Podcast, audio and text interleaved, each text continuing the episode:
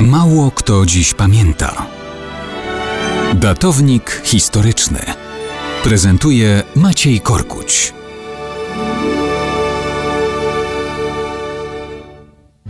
Mało kto dziś pamięta, że 2 stycznia 1441 roku rezygnację ze stanowiska wielkiego mistrza zakonu krzyżackiego złożył Paul Belicer von Rusdorf. A za chwilę będzie rocznica 9 stycznia 1441 roku, kiedy ten były już wielki mistrz zmarł. Mimo zupełnie innych planów. Oj, po bitwie pod Grunwaldem wielcy mistrzowie nie mieli łatwego życia.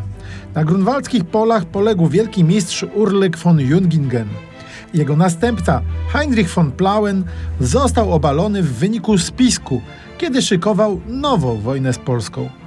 Ten, aby wydostać się z więzienia, szukał wsparcia nawet u swoich polskich wrogów. A jego brat na dworze Jagiełły spiskował przeciw zakonowi i nowemu wielkiemu mistrzowi Michaelowi Küchmeisterowi. I dalej też nie było łatwo. Küchmeister w końcu nie wytrzymał obciążeń. Przygnieciony problemami, przerażony wizją nowego konfliktu z Jagiełłą i Witoldem, po kilku latach dobrowolnie zrzekł się urzędu wielkiego mistrza. I wtedy wielkim mistrzem został Paul Belicer właśnie, wcześniejszy prokurator w Kętrzynie. Zaczął on od rehabilitacji i wypuszczenia na wolność von Plauena.